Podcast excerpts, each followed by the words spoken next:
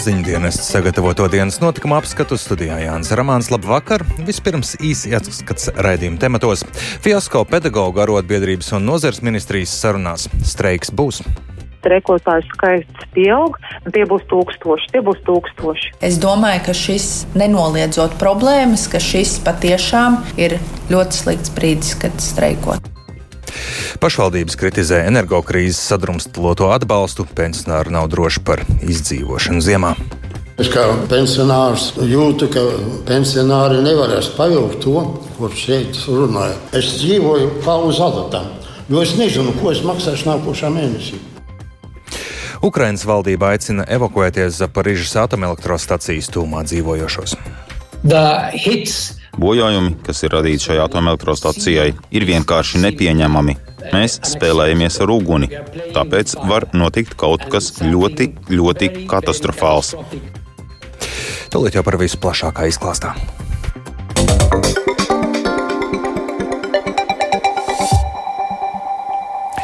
Fiasko pedagoģa arotbiedrības un ministrijas sarunās. Streiks būs. Izglītības un zinātnes ministrs nozars arotbiedrības sarunas šodien noslēdzās bez pēdējā brīža kompromisa. Tas nozīmē, no 19. septembra paredzētais pedagoģa streiks ir realitāte. Atgādinām, ka iepriekšējās divās sarunu kārtās ministra Anita Mužniec no konservatīvajiem piedāvāja dažādus skolotāju darba vidas uzlabojumus, bet, kad tas nelīdzēja arī algas kompensāciju, ja streiks nepārsniegs trīs darba dienas. Cerīgs likās pārunas par pirmsskolas pedagoģu slodžu un atalgojumu sabalansēšanu, taču arotbiedrības strikto prasību par algu pieaugumu jau no 2023. gada, kam budžetā būtu jāatvēl 139 miljonu eiro, ministra nespēja apmierināt. Sarunā ar Latvijas rādio Anita Mužniec komentē, kāpēc no valdības nav saņēmusi apstiprinājumu šīs saistības iekļaut nākamā gada valsts budžeta projektā.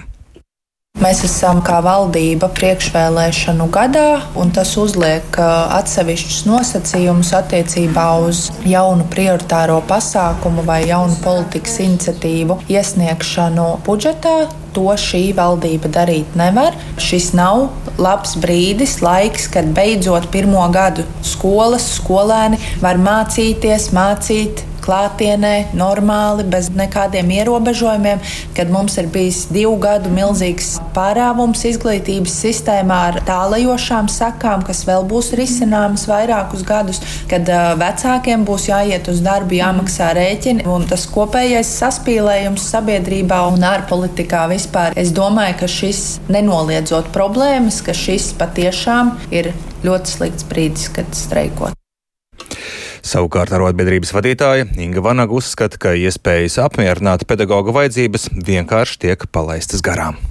Ministrija kategoriski joprojām norāda, ka darba samaksas paaugstināšanas grafika prasībā viņi nepiekāpsies un tiešām manipulē ar normatīvo aktu interpretāciju ļoti brutāli turklāt un maldina sabiedrību un tāpēc, eh, nu, te ir jā, nekāda progresa līdz šim nav bijis. Ar aprēķiniem ministrija netiek galā, tie nav precizēti pat līdz pēdējai sarunu dienai.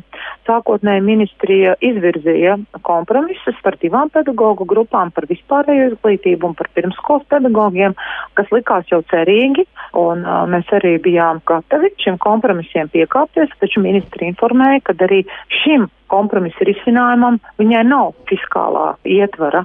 Bet es teikšu, ar katru dienu ar šādiem paziņojumiem streikotāju skaits pieaug, bet precīzā statistika būs mūsu rīcībā 8. datumā. Tie būs tūkstoši, tie būs tūkstoši.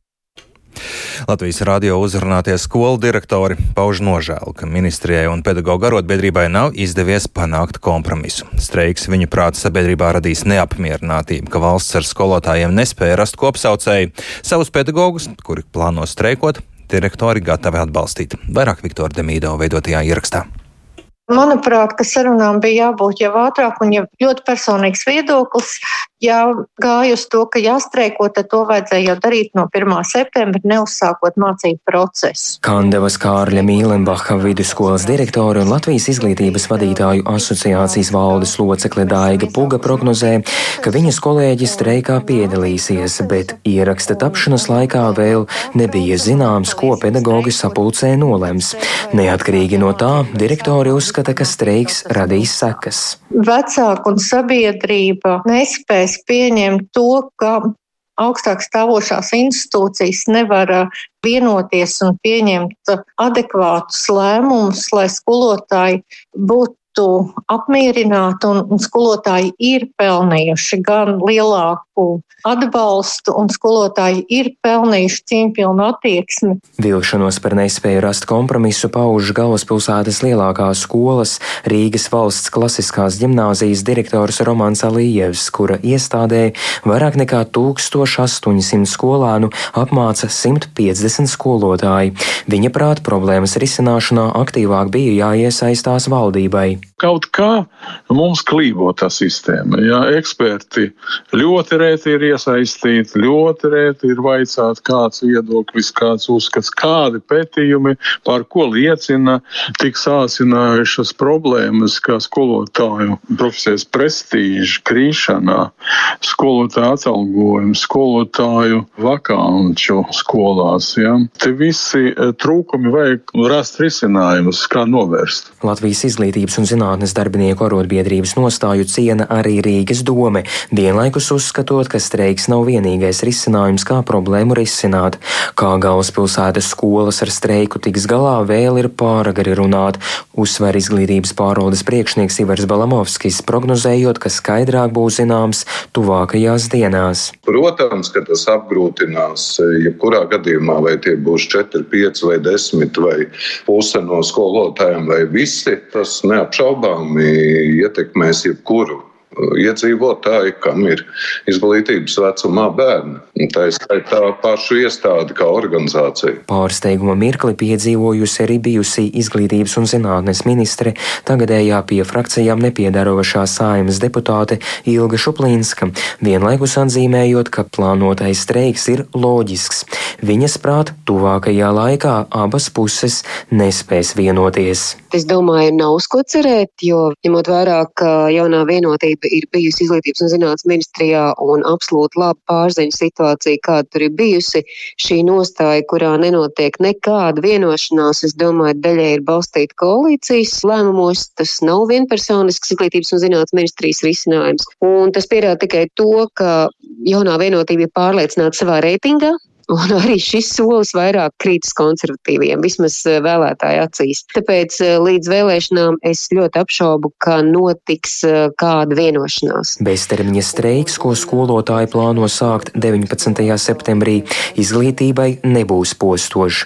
Lai dzēstu nosacīto ugunsgrēku, Šuplinska uzskata, ka ministrijai ir jāpiedāvā vairāki iespējami atalgojumu aprēķinu modeļi. Viktors Demidovs, Latvijas radio.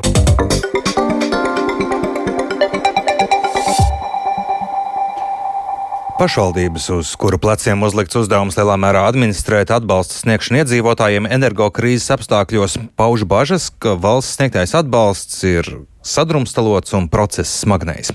Tas rada bažas par pašvaldību spējām tikt ar visiem darbiem galā. Tikmēr pensionāri bažīs, vai esošo atbalstu būs iespējams pārdzīvot ziemu. Turpina Kristaps Feldmanis. Saimas atbildīgā komisija šodien pulcināja iesaistītās puses, lai spriestu par plānoto atbalstu iedzīvotājiem energoresursu sadārdzinājuma apstākļos. Ekonomikas ministrija prezentēja jau zināmo atbalstu. Starp diskusijas dalībniekiem bija arī Latvijas pašvaldību savienība, jo tieši uz vietvaru pleciem gulstas lielākā daļa atbalsta administrēšanas. Latvijas pašvaldību savienības padomniece veselības un sociālajos jautājumos Ilze Rudzīte neslēp kritiku atsevišķos ar šo atbalstu saistītos jautājumos. Viņa norādīja, ka šī atbalsta administrēšana rada ievērojumu slogu pašvaldībām, jo piešķiramais atbalsts ir gan sadrumstalots un process smagnējs. Atbalsts ir sadrumstalots, pēc apkuras veida smagnēji administrējams. Katrs iedzīvotāja pieprasījums iziet parasto dokumentu ceļu. Daļa darbība ir jāveic manuāli, un arī, lai izvērtētu un pieņemtu lēmumu par atbalstu, Arī šeit virkni darbība ir jāveic manuāli. Tas iezīmē to darba apjomu, kas būs izskatot šos pieteikumus. Tas ir ļoti pozitīvi. Akcents tiek likt uz elektronisku pieteikšanos atbalstam, taču daļa iedzīvotāju nāks pieteikties klātienē. Rudzīte arī aicināja veidot plašāku komunikācijas kampaņu, kas iedzīvotājiem skaidrotu pieejamā atbalsta iespējas un rīcību, lai to saņemtu. Tāpat svarīgi veidot vadlīnijas un skaidrojumus pat par šķietami vienkāršām detaļām un praktiskām situācijām situācijām, lai pašvaldībām un iedzīvotājiem būtu skaidrs, kā atbalsts piemērojams absolūti katrā situācijā.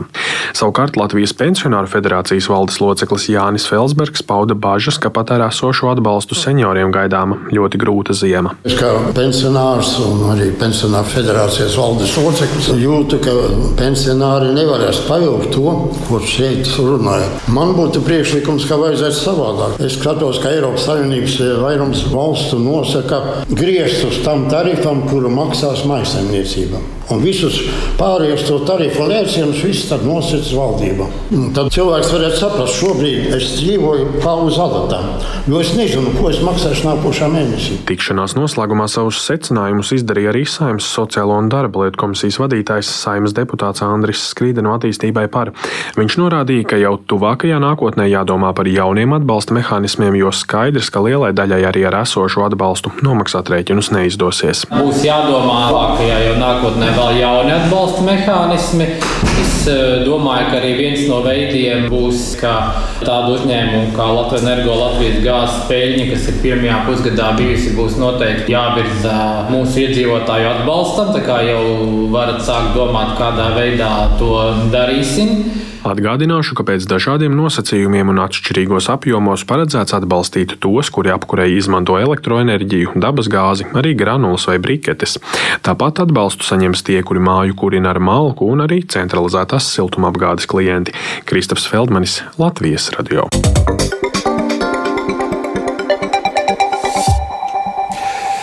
Šomēnes Latvijā rīt militāro mācību cikla namējs rudens posms un ilgs līdz pat 9. oktobrim. Šodien un rīt paredzēts pārbaudīt valsts institūciju gatavību militārām un hibrīd krīzēm. To laikā visiem mobilo pakalpojumu, uh, mobilo pakalpojumu sniedzēja LMT, Bita un Tele2 gala lietotājiem tiek izsūtītas īsiņas ar mērķi pārbaudīt Latvijas iedzīvotāju apziņošanu krīzes situācijās. Pirmās tiks saņemtas jau šodien. Rīgas ielās sasaptie cilvēki tādu apziņošanas vajadzību uztver ar sapratni. Valdība dara jau pareizi. Ir tā situācija ar Ukrajinu. Viss, kas var notikt.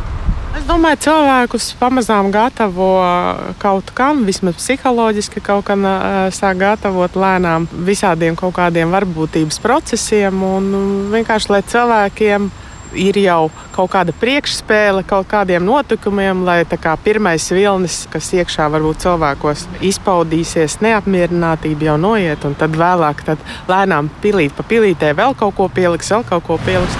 Kas ir krīzes? Kā to paņemt? Kas ir krīze un kā to saprast?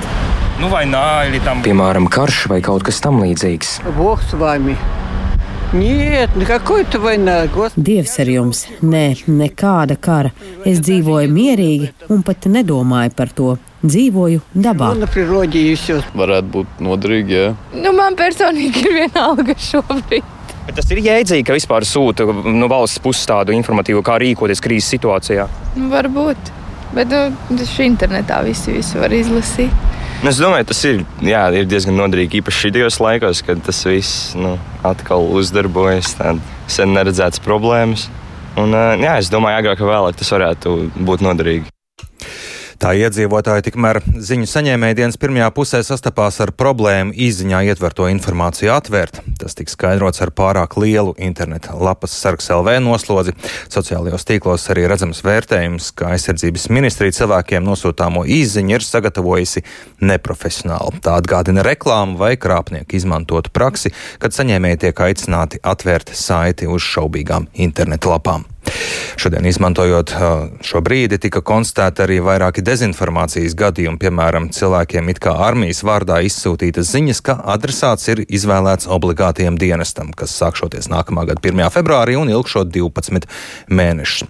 Aizsardzības ministrija uzsver, ka armija tādas ziņas nav sūtījusi. Bet par šodien notiekošajām militārajām mācībām un iedzīvotāju apziņošanas izmēģinājumu vērtējumu lūdzām arī aizsardzības ministrijas valsts sekretāram Jānim Garisonam, un ar viņu sarunājās Kārlis Dagilis. Galvenais akcents ir tas, kādā veidā aizsardzības ministrija, kā vadošā institūcija, funkcionēja kara laikā. Šajā gadā mēs vairākus jaunus aspektus esam mēģinājuši trenēt eh, un testēt. Un tas bija šī iedzīvotāja apziņošana, kas jau ir pats augstākais, ja tā varētu teikt, eh, punkts, jo mēs faktiski mēģinām sasniegt iedzīvotājus. Cik nopietns ir šis eh, mācību scenārijs, par kādu teiksim, apdraudējumu vai par kādu krīzi ir runa? Ja, nu mēs ņemot vērā, ka mēs esam aizsardzības ministrija mums saka, pienākumos jāgatavojas karam. Nu, tas ir nopietns konvencionāls scenārijs, bet vienmēr, protams, kurš scenārijs attīstīsies pamazām un ar dažādiem teiksim, notikumiem pirms tam, tā skaitā hibrīdiem notikumiem. Nu, iedodiet kādu piemēru hibrīdu uzbrukumam. Vērsti uz teiksim, kritisko infrastruktūru vai kritiskiem pakalpojumiem, piemēram, bankām. Kad pazūd banku pakalpojumi, tas radīs visdrīzāk nesaprašanu un visdrīzāk arī paniku. Ir zināms, kādā veidā pat šādā situācijā skaidrs naudas līdzekļi varētu tikt izmaksāti iedzīvotājiem. Viens no šo mācību pamanākumiem aspektiem bija izziņa, iedzīvotāja apziņošana. Kā jūs vērtējat šis tests, šī apziņošana bijusi veiksmīga? Es parasti visskeptiskāks esmu uz tām mācībām, kur mēs pasakām, ka viss bija kārtībā un nu, noziņojam, kā pa ķumkinā sāģā. Teiksim. Jo mācības arī tādēļ domātas, lai mēs saprastu, kur ir problēmas.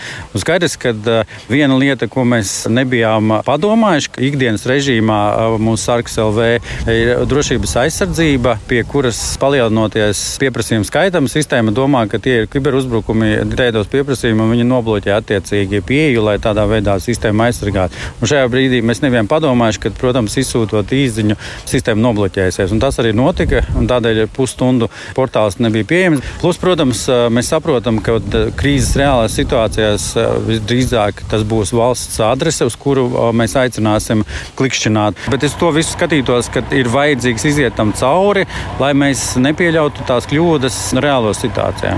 Nu, gan jau kāds arī tās 72 stundu to bukletu arī apskatīja izpētīja un tagad būs zinošāks. Lielas jums paldies par sarunu! Jā, paldies jums!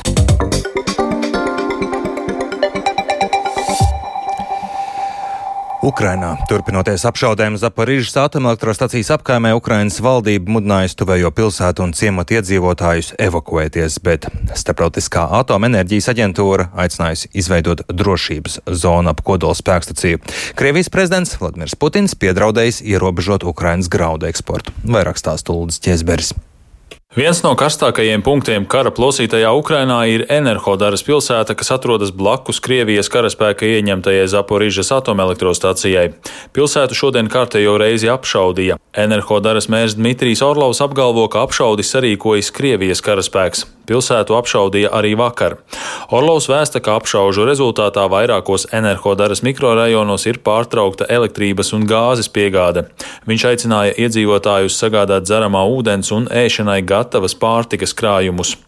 Reaģējot uz situāciju Enerhodarā, Ukrainas vicepremjere Irina Vereščuka šodien aicināja Zaporižas atomelektrostācijas apkaimē dzīvojošos nekavējoties doties prom, jo pieaug bažas par iespējamu kodoli incidentu. Vereščuka sacīja, ka Kīva ir pieprasījusi Maskavai izveidot drošu evakuācijas koridoru no okupētajām teritorijām ap Zaporižas atomelektrostāciju, taču nekāda atbilde nav saņemta. Startautiskās atomenerģijas aģentūras vadītājs Rafaels Grossi, kurš pagājušajā nedēļā kopā ar saviem kolēģiem apmeklēja Zaporīžas atomelektrostaciju, pauda bažas par drošības situāciju spēkstacijā un aicināja Ukrainu un Krieviju piekrist īpašas drošības zonas izveidai ap to.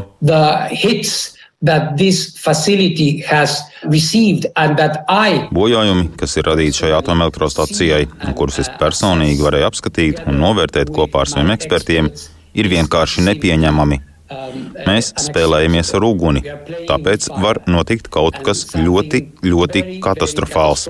Tāpēc mēs piedāvājam izveidot kodoldrošības un aizsardzības zonu apkārt atomelektrostacijai un tajā. Startautiskās atomenerģijas aģentūras vakar publicētajā ziņojumā par drošības situāciju Zaporīžas atomelektrostacijā ir teikts, ka spēkstacijas teritorijā atrodas Krievijas kara tehnika. Savukārt Krievijas prezidents Vladimirs Putins, komentējot atomenerģijas aģentūras ziņojumu, norādīja, ka Zaporīžas atomelektrostacijā neatrodas bruņu tehnika.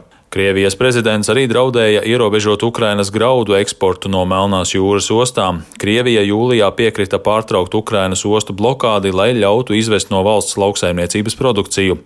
Putins tagad apšauba ar ANO un Turciju noslēgtās vienošanās nepieciešamību, apgalvojot, ka vairums no Ukrainas eksportēto graudu nonākot nevis attīstības valstīs, bet gan Eiropas Savienībā. Ukrainas prezidenta administrācijas padomnieks Mihailo Podaļaks Putina draudus nodēvēja par absurdiem, bet paredzamiem. Viņš norādīja, ka Krievija kārtējo reizi izmanto šantāžu, lai mēģinātu iebiedēt starptautisko sabiedrību un panāktu pret sevi noteikto sankciju atcelšanu.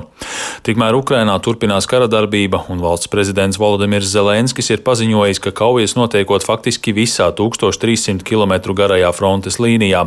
Ukrainas Nacionālās drošības un aizsardzības padomes vadītājs Ole Aleksijs Danilovs paziņojis, ka Ukrainai nevajadzētu cerēt uz drīzu uzvaru pār Krieviju, taču viņa prāt karš neturpināsies gadiem, un Ukraina tajā uzvarēs. Eiropas Savienības ārlietu vadītājs Žozefs Borels uzskata, ka Krievijas uzsāktajā karā tuvākie seši mēneši būs izšķirošie. Viņš norāda, ka iniciatīvu frontē ir pārņēmuši Ukrainas aizstāvji, kuri veic sekmīgas ofensīvas operācijas Krievijas okupētajās teritorijās. Vienlaikus Borels atzīst, ka Ukrainai un arī Eiropai priekšā ir sarežģīta ziema, taču, ja izdošoties pārvarēt enerģētikas krīzi un saglabāt vienotību, bet frontē spēku samērs turpinās mainīties par labu Ukrainai, tad nākamgad pavasarī Ukraina un Eiropas Savienība būšot strateģiski labvēlīgākā pozīcijā.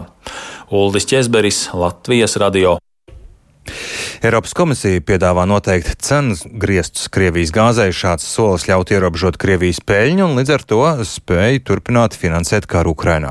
Tāpat Eiropas komisija vēlas noteikt obligātus elektrības patēriņa samazināšanas pasākumus pīķstundās, lai mazinātu cenu svārstību. Tāpat tiek plānots ierobežot arī enerģijas ražotāju lielo peļņu. Eiropas komisijas priekšētāja Urzula Fonderleina atgādina, ka pirms kara Krievija piegādāja 40% no Eiropas gāzes, bet tagad tikai 9%. Tas liecinot, ka Eiropa spēja tikt galā ar šo situāciju. So really Cenas griezti Krievijas gāzei var tikt ieviesti ļoti ātri. Aizvadītajos mēnešos mēs esam strādājuši ļoti smagi, lai izveidotu dalību valstīm tik nozīmīgo solidaritātes tīklu, kas nodrošina, ka gāze plūst tur, kur tā ir visvairāk nepieciešama. Bija nepieciešams arī atrast citus gāzes piegādātājus, lai Putins un Krievija vairs nevarētu mūs šantažēt ar saviem paziņojumiem par gāzi. Mūs šie paziņojumi vairs nesatrauc. Mēs zinām, ka viņi mūs šantažē. Tādēļ labākais ir nodrošināties pašiem un būt solidāriem. Prasība augstskolās nodrošināt izglītību tikai latviešu valodā nav pretrunā ar Eiropas Savienības noteikumiem. Tā šodien secinājusi Eiropas Savienības tiesa. Ar lūgumu sniegt savu vērtējumu šajā jautājumā Luksemburgā bāzētajā tiesā vērsās mūsu valsts satversmes tiesa, jo tajā tiek izskatīta 20 saimnes deputāta iesniegtā sūdzība. Plašāk stāsta mūsu Briseles korespondents Arķums Konhovs. Eiropas Savienības tiesa ir secinājusi, ka kaut arī likuma prasība nodrošināt augstāko izglītību Latvijā tikai latviešu valodā, tostarp privātajās augstskolās, ierobežo tiesības veikt brīvu uzņēmēju darbību. Šāds ierobežojums ir samērīgs ar vajadzību rūpēties par nacionālās identitātes un latviešu valodas saglabāšanu. Tādēļ šī augstskolu likuma norma nepārkāp Eiropas Savienības noteikumus. Gala lēmumu par 20 saimas deputātu sūdzību būs jāpieņem satversmes tiesai, bet tai nāksies vadīties pēc Eiropas Savienības tiesas pozīcijas.